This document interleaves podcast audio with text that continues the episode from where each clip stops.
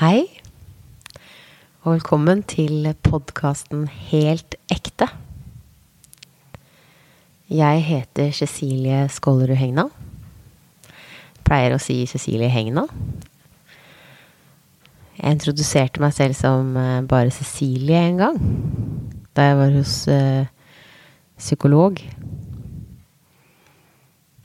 Og det han psykologen uh, sa da, var det er jo veldig identitetsløst å introdusere deg selv med bare fornavn. Og jeg kjente at Hm. Kritikk. Du er en dust, tenkte jeg. Og den gangen jeg var hos psykolog, så var jo det akkurat eh, for å At de skulle finne ut hvem jeg var. For jeg skulle være med på 71 grader nord. Men det han psykologen gjorde, han prøvde å finne triggere hos, hos meg, da. Og han traff ganske nøyaktig med en gang. Jeg takler kritikk ganske dårlig. Det som skjedde videre utover det, den samtalen, eller det intervjuet fra hans side, var at jeg eh, blei litt anstrengt. Jeg eh, var litt på vakt. Jeg følte at jeg måtte um, si de riktige tingene overfor han. Men så tenkte jeg også at han gjør bare jobben sin. Og etter hvert når jeg da svarte på spørsmål, og han sa det trengte du. Og jeg følte virkelig at han var på mitt parti. At han plutselig tok en psykologrolle da, istedenfor en uh, angriperrolle. Så skjønte jeg at det handler ikke om meg. Det handler om det han skal finne ut av om meg. Da vi avslutta det intervjuet, så sa han da jeg påpekte det med navnet ditt i starten.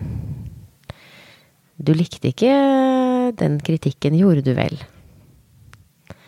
Så sa jeg nei, det prøvde jeg å la ikke la skinne igjennom. Men jeg kjente at det påvirka meg, sa jeg. Og den historien, den liker jeg så godt, fordi jeg kom med på 71 grader nord den gangen. Og alle er liksom så opptatt av 71 eh, grader nord er så ekstremt fysisk. Og for meg så er det ekstreme fysiske ikke så vanskelig å forholde seg til. For det er jo bare å fortsette å gå. Kroppen vår kan gjøre så utrolig mye. Men hva den opplevelsen å være i 71 grader nord var for meg psykisk, det var det mest spennende med hele opplevelsen for meg. Både dette intervjuet med psykolog. Både det å bli satt sammen i en setting med masse fremmede mennesker der du skal finne din eh, rolle og posisjon. Og det å være i konkurranse. Eh, der alt skal skje så vennskapelig. Mens alle i hvert fall sånn som jeg tenker. Alle har jo lyst til å vinne.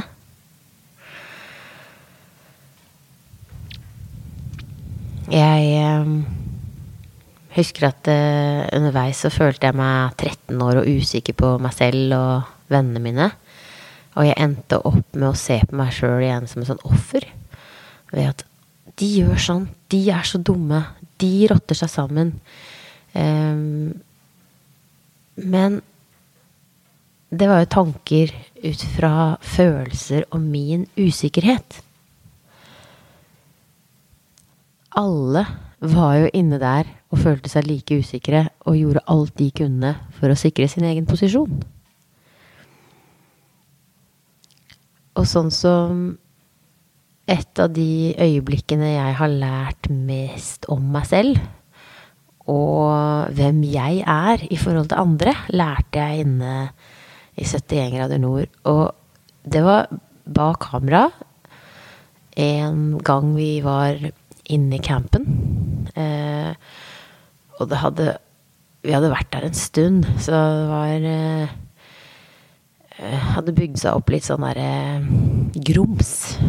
Selv om alt var veldig hyggelig og fint, og alle var så gode venner på TV, så bygger det seg opp grums fordi eh, ting eh, eh, Ting er usagt. Og da vi hadde en liten oppvask, og jeg var så irritert på Grete, som bare skulle hevde seg sjøl, og bare skulle eh, sikre seg og sin krets rundt seg, og hun skulle Hun gjorde så mye for, seg, da.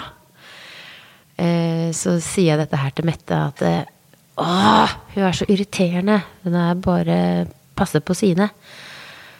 Og så sa jeg hun til meg, ja, men er du noe bedre? Er det ikke akkurat det du også gjør? Og da så jeg at jeg irriterte meg så over Grete fordi hun var den som var mest lik meg. og jeg tror at de i den produksjonen som hadde eh, hatt psykolog på oss, sett oss eh, kanskje nesten bedre enn vi så oss selv, hadde plukka ut en gruppe ut fra alle de menneskene, alle disse søknadene. De hadde plukka ut en gruppe som skulle både være gode venner, men også kunne skape konflikter. Og det var jo ikke tilfeldig, jeg analyserte jo hele settingen hele veien, at det er jo ikke tilfeldig at Grete og jeg hadde lik farge på jakkene. Og på bokklærne våre. Og samtidig så var det et annet par der også, to jenter, som havna i litt sånn indre en sånn konflikt. De hadde lik farge på jakkene sine. Og, og, det var liksom Alt er så konstruert, da. Og det er det jeg liker med, med god TV, god reality. Det bygger opp på det psykologiske. Det bygger opp på hva vi mennesker har inni oss. Det er et sånn mikrosamfunn av det store samfunnet vi lever i. Så det kan fortelle ting på en enkel måte. Og så observerer vi oss sjøl hva som er vanlige menneskelige drifter. Så jeg lærte så mye, og det som var underveis også, hvordan jeg så på meg sjøl. Jeg var så kritisk til meg sjøl, for jeg var så redd for hvordan alle skulle se meg på TV. Jeg var så eh, redd for å fremstå svak, eller var så redd for å ikke være perfekt.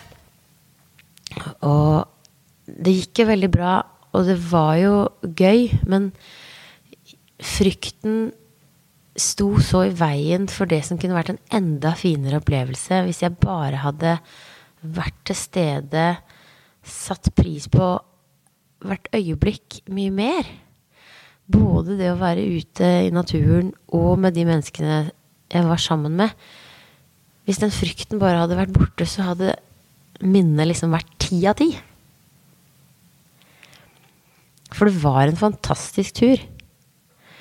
Og når jeg ser tilbake på det nå, så har jeg også klart faktisk å endre det minnet litt med et nytt mindset. Og det er en enorm kraft. For selv om jeg har vært og er en person som kan virke irriterende positiv, så er jeg overraskende pessimistisk og negativ til meg selv og det jeg opplever. Det er i hvert fall sånn jeg har vært. Men med å tenke litt annerledes på ting, så ser jeg meg selv som mye bedre. Jeg ser meg selv litt rausere. Og jeg prøver å vinkle disse små tingene som skjer i livet, til å være finere fordi jeg ikke forventer at det skal være perfekt. Jeg går ikke og ser på hvert øyeblikk og tenker hvis det bare hadde vært sånn, så hadde det vært perfekt. Hvis det hadde vært litt bedre sånn, så hadde det vært perfekt akkurat som når jeg sitter her med denne innspillingen, så har jeg lurt på når jeg skal få gjort denne første innspillingen av min podkast. Fordi livet skjer hele tiden. Og det er ikke sånn at det perfekte øyeblikket bare dukker opp. Vi må planlegge litt, vi må tilrettelegge litt.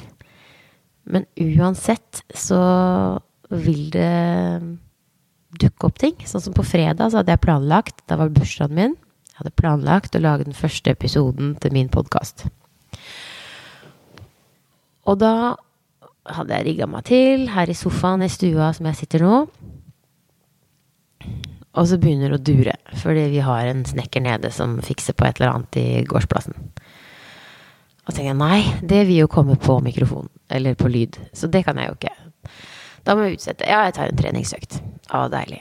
Og dagen ble jo fantastisk. Det var bursdagen min. Eh, jeg fikk eh, lov til å være sammen med Anja Edin, som jeg har eh, sett veldig opp til det siste året, og hjulpet meg veldig med min personlige utvikling gjennom å være en del av Heart Mentality, som er et eller, sånn, treningssenter på nett. Og det er en sånn helt ny måte å tenke på. Det å trene opp eh, måten å tenke på. Det er så mange som er eh, i en tilstand av bare se seg selv som Vi bare gjør det vi gjør fordi vi må. At vi ikke har noe særlig valg. Og jeg har også gjort det. Jeg har tenkt at eh, vi må jo få en utdannelse, vi må jo få en jobb. Og så skal vi jobbe og slite så mye som mulig fordi vi eh, Det er jo det man gjør i den mest produktive tiden av livet sitt. Når man er eh, ung, så skal man jobbe hardt. Man skal jobbe mye. Det er en sånn ting som jeg har Og så skal man få så så store materielle verdier man kan ut ifra sine forutsetninger. Eh, og det er en oppfatning som jeg har begynt å være litt nysgjerrig på. Akkurat som jeg har begynt å bli veldig nysgjerrig på veldig mange oppfatninger rundt oss. Og også fra jeg var liten, så har jeg lært å se med skepsis på de som er annerledes og gjør andre ting enn det som er helt vanlig. Og det blir ofte litt sånn berømma det å gå mot strømmen. Du må tørre å tro på deg selv og gjøre det du vet er riktig. Tør å være annerledes. Eh, ta de inn, de som er utenfor. Det er veldig mange ting som er sagt som vi vet er riktig. Men så er det en veldig stor forskjell i vårt samfunn på hva vi sier og setter som en standard som vi ønsker å leve etter, og hva vi faktisk gjør. Som eksempel utenforskap, som alle er enige om at vi må prøve å gjøre noe med. Vi er ganske enige om at vi ikke har lyst på utenforskap. Vi har ikke lyst på mobbing i skolen eller på arbeidsplasser. Hvis du er uenig i det utsagnet, så Så Ja, det er kanskje noen som er uenig, men jeg har prata med veldig mange som er enig i det utsagnet. Når vi begynner å snakke om hvordan vi kan bekjempe utenforskap og mobbing, da kan vi være ganske uenige om hva som er årsaken til dette her, og hvordan vi skal komme til eh, et samfunn der vi ikke har utenforskap og mobbing. Det er jo mange som f.eks. det med at fattigdom er grunn til utenforskap. Så da må vi bare gi penger til de som ikke har penger. Og det er en veldig enkel måte å gjøre det på, en enkel måte å tenke på. Men så kan man jo også gjøre det sånn at eh, man tenker Hva er grunnen til at folk er fattige? Hva er det egentlig? Altså ja, det er noen som har eh, da ikke Sånn som jeg ser det, så er det da noen som ikke har hatt muligheten til å bidra med det de har. De har falt utenfor fordi de ikke De sitter med en overbevisning om at de ikke har noe å tilby. Og hvis de da har hatt en overbevisning om at de har noe å tilby, men det er ikke det folk rundt vil ha, så hjelper jo det heller ikke. Og kanskje de ikke har vært sterke nok, og kanskje de har gitt opp, og kanskje de har sett at for å få den hjelpen de må ha for å overleve, så må de tilpasse seg et Nav-system som eh, gjør at de ikke er fri. Og de må bare tilpasse seg, så ethvert eh, ønske om å bidra, det slukkes ved at nei, det kan jeg jo ikke, for da får jeg jo ikke den inntekten som jeg faktisk er avhengig av for å leve. Så det er jo en av de tingene som jeg ser som den store utfordringen i vårt samfunn, som vi står overfor for å forhindre utenforskap, er at vi prøver å få alle til å være like. Vi prøver å få alle til å passe inn i skolen og inn i en firkant. Og hvis man ikke passer inn i den, så er det så innbarka i oss at vi kritiserer vi snakker om, vi tenker om den personen som ikke bidrar på lik linje. En sånn klassisk eksempel er at vi sier at eh, ja, nei, vi må inkludere alle, vi må ta med alle. Men det er så slitsomt å ha den personen på besøk, så vi kan ikke ta ansvar for det. Noen andre kan ta ansvar for å invitere akkurat den. Eller eh, vi De der er steika rare. De tenker jo De lager alltid så mye bråk, disse foreldrene som er uenig i alt som blir sagt på foreldremøtene. Og så kanskje man tar det til en liten sånn Nei, jeg orker ikke å la barna mine være hjemme i det huset der, for der er de så annerledes enn oss. Og det gjør vi da av en litt styrt av frykt, fordi vi er redd for den påvirkningen de som er annerledes, vil ha på vårt barn. Og det her er jo i hvert fall noe som jeg har lært opp til, at hvis man da skal unngå den kritikken, så må man være litt var på hvordan folk er. Og så tilpasser man seg hvordan Hvordan man skal være for å ikke være annerledes. Og mennesker er ganske tilpasningsdyktige. Og jeg er Tilpasningsdyktighet er en av mine store styrker. Men det har også hemma meg for å være den jeg er. Og det har ikke jeg sett før de siste årene. Jeg begynte å se at det var noe som var galt da jeg under koronaepidemien. Satt her hjemme og hadde begynt å kjenne litt på uro over det, det samfunnet vi lever i, at vi ikke er så fri som jeg trodde. Jeg har blitt lært opp til å tenke at vi er Norge. Det er så bra. Vi er fri. Vi er heldige nesten som at Norge er en utopi. Og jeg har vært veldig sånn at vi støtter, vi gjør alt det som forventes av oss. Jeg er alltid um, veldig positiv og prøver å tilpasse meg, og stort sett uh, til og med blitt kalt litt sånn naiv, for jeg prøver alltid å se det positive i settingen og bare tilpasse meg. Men da vi ble bedt om å ikke jobbe og isolere oss og jeg så også den enorme kritikken mot de som ikke vaksinerte seg. Og jeg så da at mange, noen som jeg var glad i, som valgte å ikke vaksinere seg, eh, de turte ikke å stå fram og si det, for de var redd for å bli kasta ut av samfunnet. De var redd for å, eh, å vise hvem de var. Eh, at, og da kunne de ikke si det, for da ville ikke folk være sammen med de. Og jeg, det er faktisk også tilfellet, fordi jeg leste i kommentarfelter, jeg hørte mine egne venner og kolleger si at ja, men selvfølgelig, de som ikke vaksinerer seg, det er jo helt høl i huet, de fortjener å bli kasta ut av samfunnet.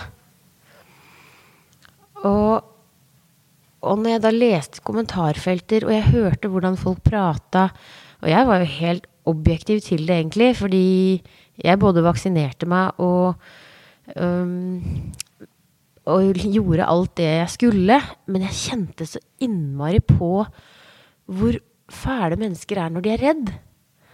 Hvordan de beskytter seg, og hvordan vi bare ser én sannhet.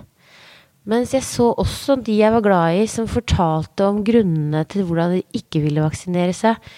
Og alt det de hadde lest, og alt det de hadde hørt, som også for så vidt er, var mye sant i det de satt på og følte på. Og de turte da å faktisk kjenne på sine verdier og styre ut fra de. De klarte ikke å bare gjøre noe noen fortalte de som ikke stemte overens med det de hadde inni seg. Og det er jo det store problemet med de som tenker selv. De ødelegger for det store samfunnet, det store fellesskapet. Men sånn alt i alt, da, hvis man ser sånn tilbake på den epidemien Hvis man hadde latt folk tenke litt sjøl, vært litt rausere med hverandre, ikke vært så hardnakka på 'dette er sant, dette er feil', de som tenker feil, de er på en måte de nye jødene som vi bare må hate og brenne og kaste ut.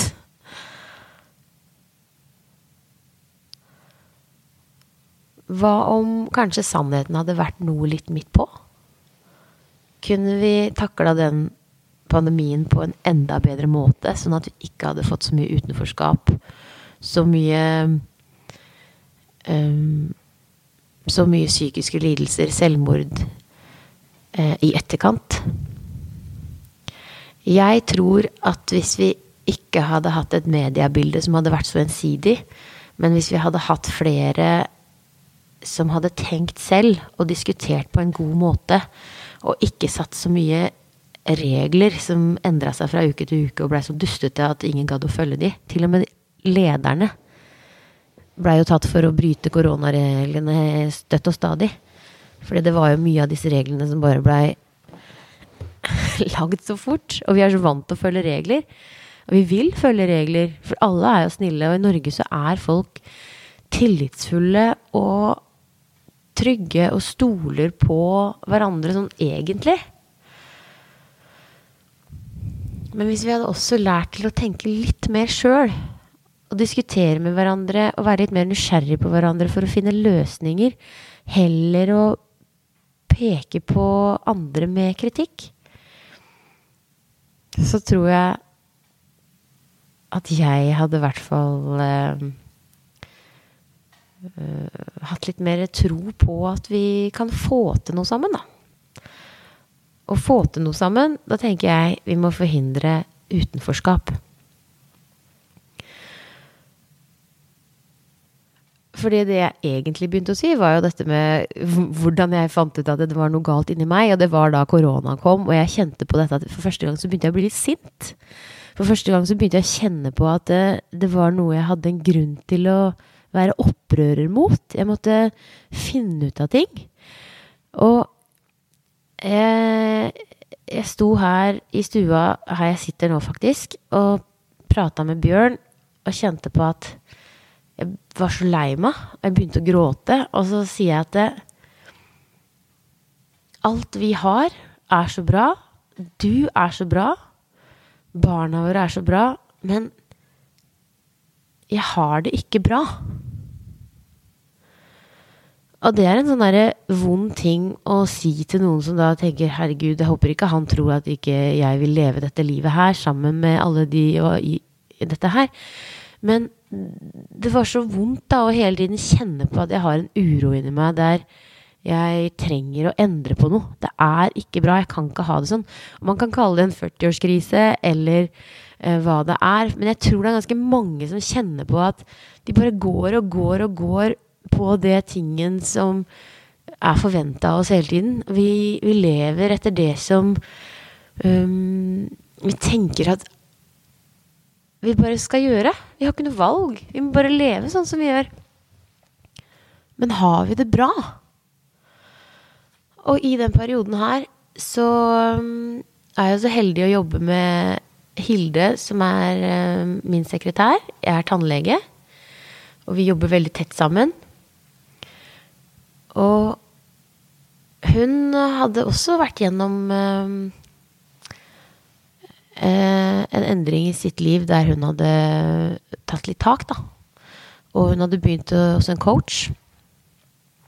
Og da hadde de begynt å snakke om verdier.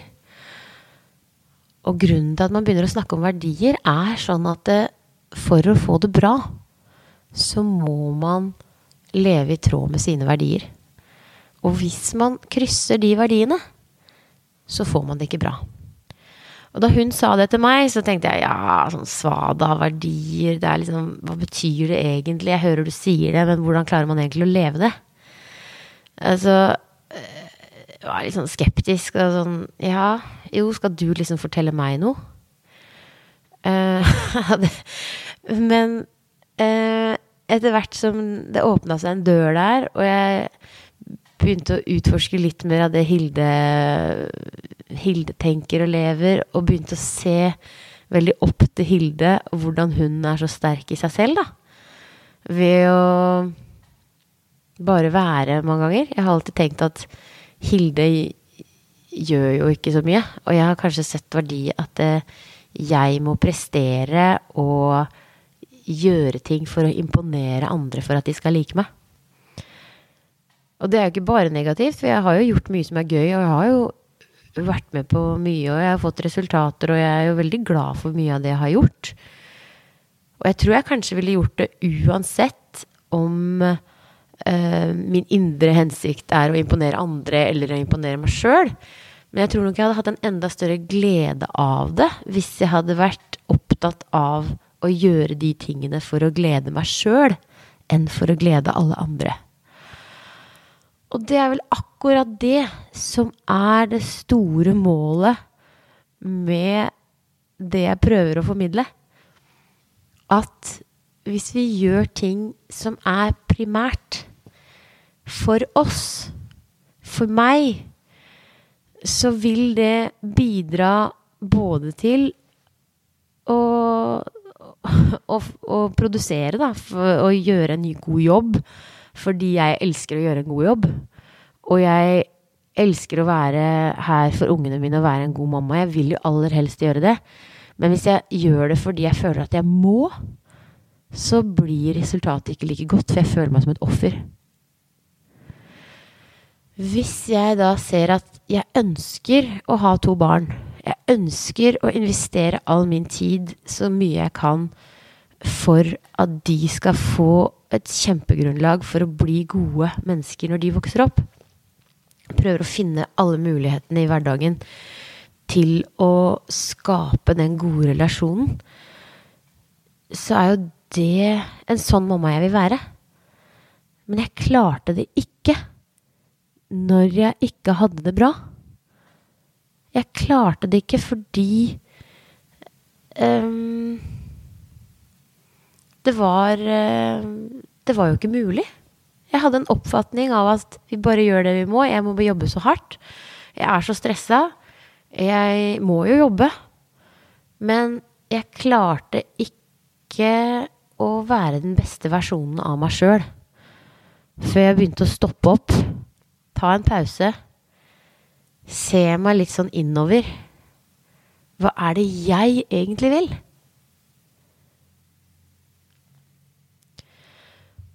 Og jeg ser jo hva den lille forskjellen var å begynne å stille spørsmål, begynne å lese litt filosofi, begynne å lytte til folk som er annerledes enn meg, og kanskje også øh, jeg har sett på som litt rare.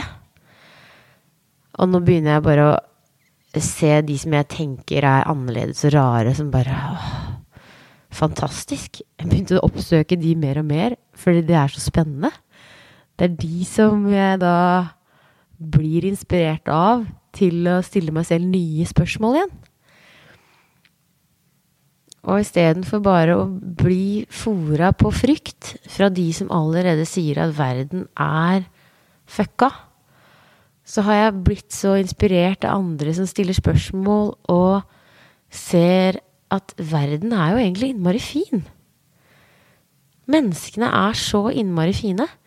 Og jeg møter jo så mange mennesker i løpet av min hverdag som tannlege.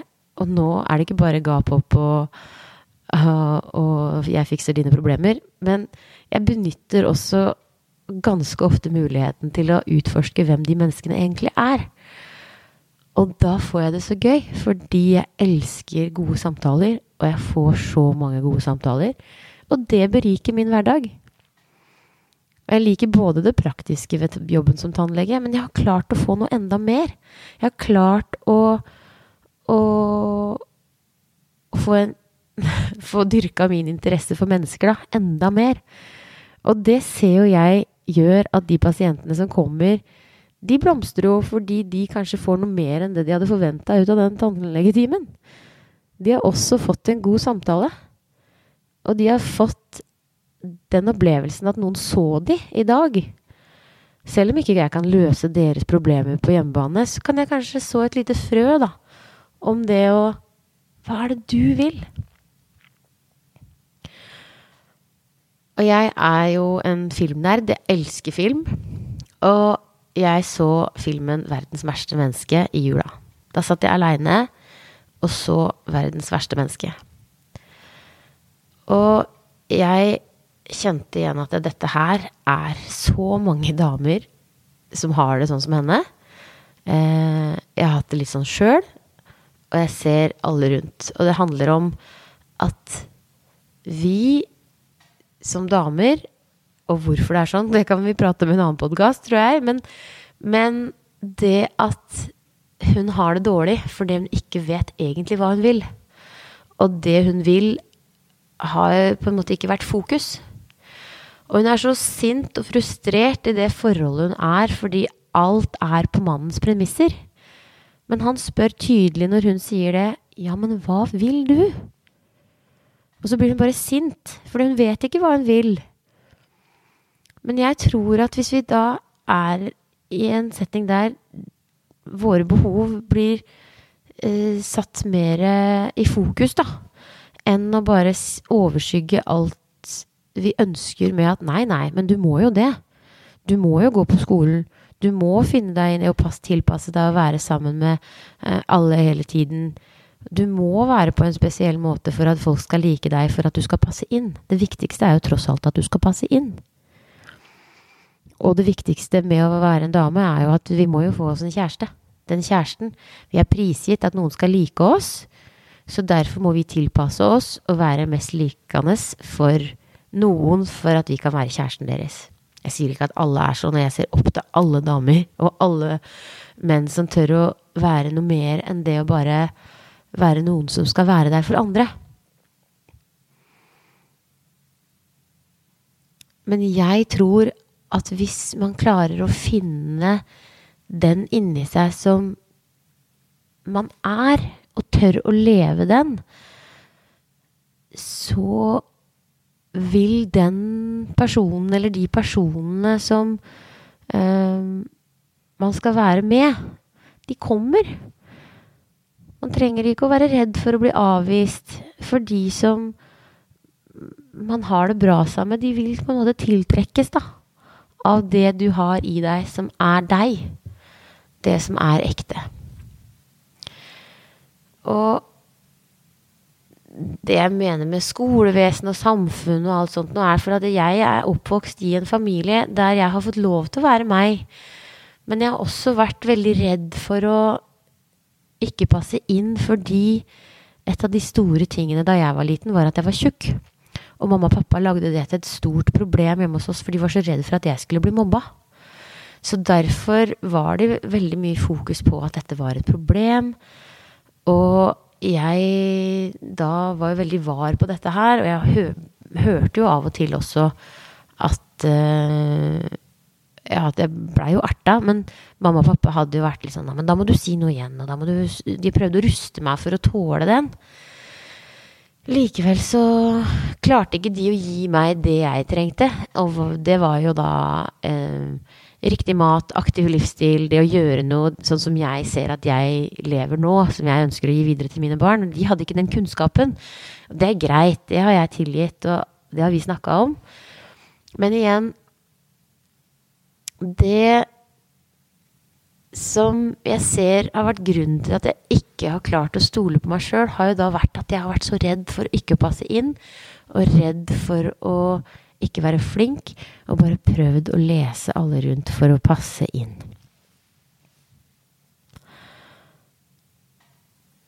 Og det er det ikke så lett å gjøre noe med. Før vi faktisk begynner å prate om det, og alle tar ansvar for seg sjøl. Så nå tar jeg ansvar for meg. Og jeg tar ansvar for at barna mine skal stå støtt, uansett om de uh, føler seg utenfor av noe andre sier. Så sier jeg ja, men du kan ikke gjøre noe med hva de sier. Du må tenke på deg, og så må du tørre å være deg. Men én ting er å si det. En annen ting er å leve det. Så for å være ekte, så må vi faktisk tenke over det vi sier. Og så må vi puste dypt, og så må vi tenke Lever jeg egentlig det jeg sier? Jeg sier at vi skal redde folk og hjelpe folk og hjelpe miljøet, men i min hverdag, sånn som jeg lever, gjør jeg det egentlig? Og jeg vil avslutte med en historie om en dame som jeg syns er bare helt superkul. Og det tror jeg veldig mange i Norge er enig med, men det er Else Kåss Furuseth. På lørdag, da var det Grand Prix, og mange samles for å ha Grand Prix-fester. Hun påpekte da at det er veldig mange som sitter alene, som gjerne kanskje kunne vært på en Grand Prix-fest. Og hun tok ansvar, hun, for å leie et lokale. Stille opp med popkorn, saft og muffins og inviterte alle som ville komme. Tenk om flere hadde gjort det? Tenk om flere bare hadde levd det å inkludere, heller bare enn å snakke om å inkludere? Else er ekte. Hun kan bli kritisert, men du kan ikke ta henne, for hun er bare seg sjøl, og hun er bare helt rå.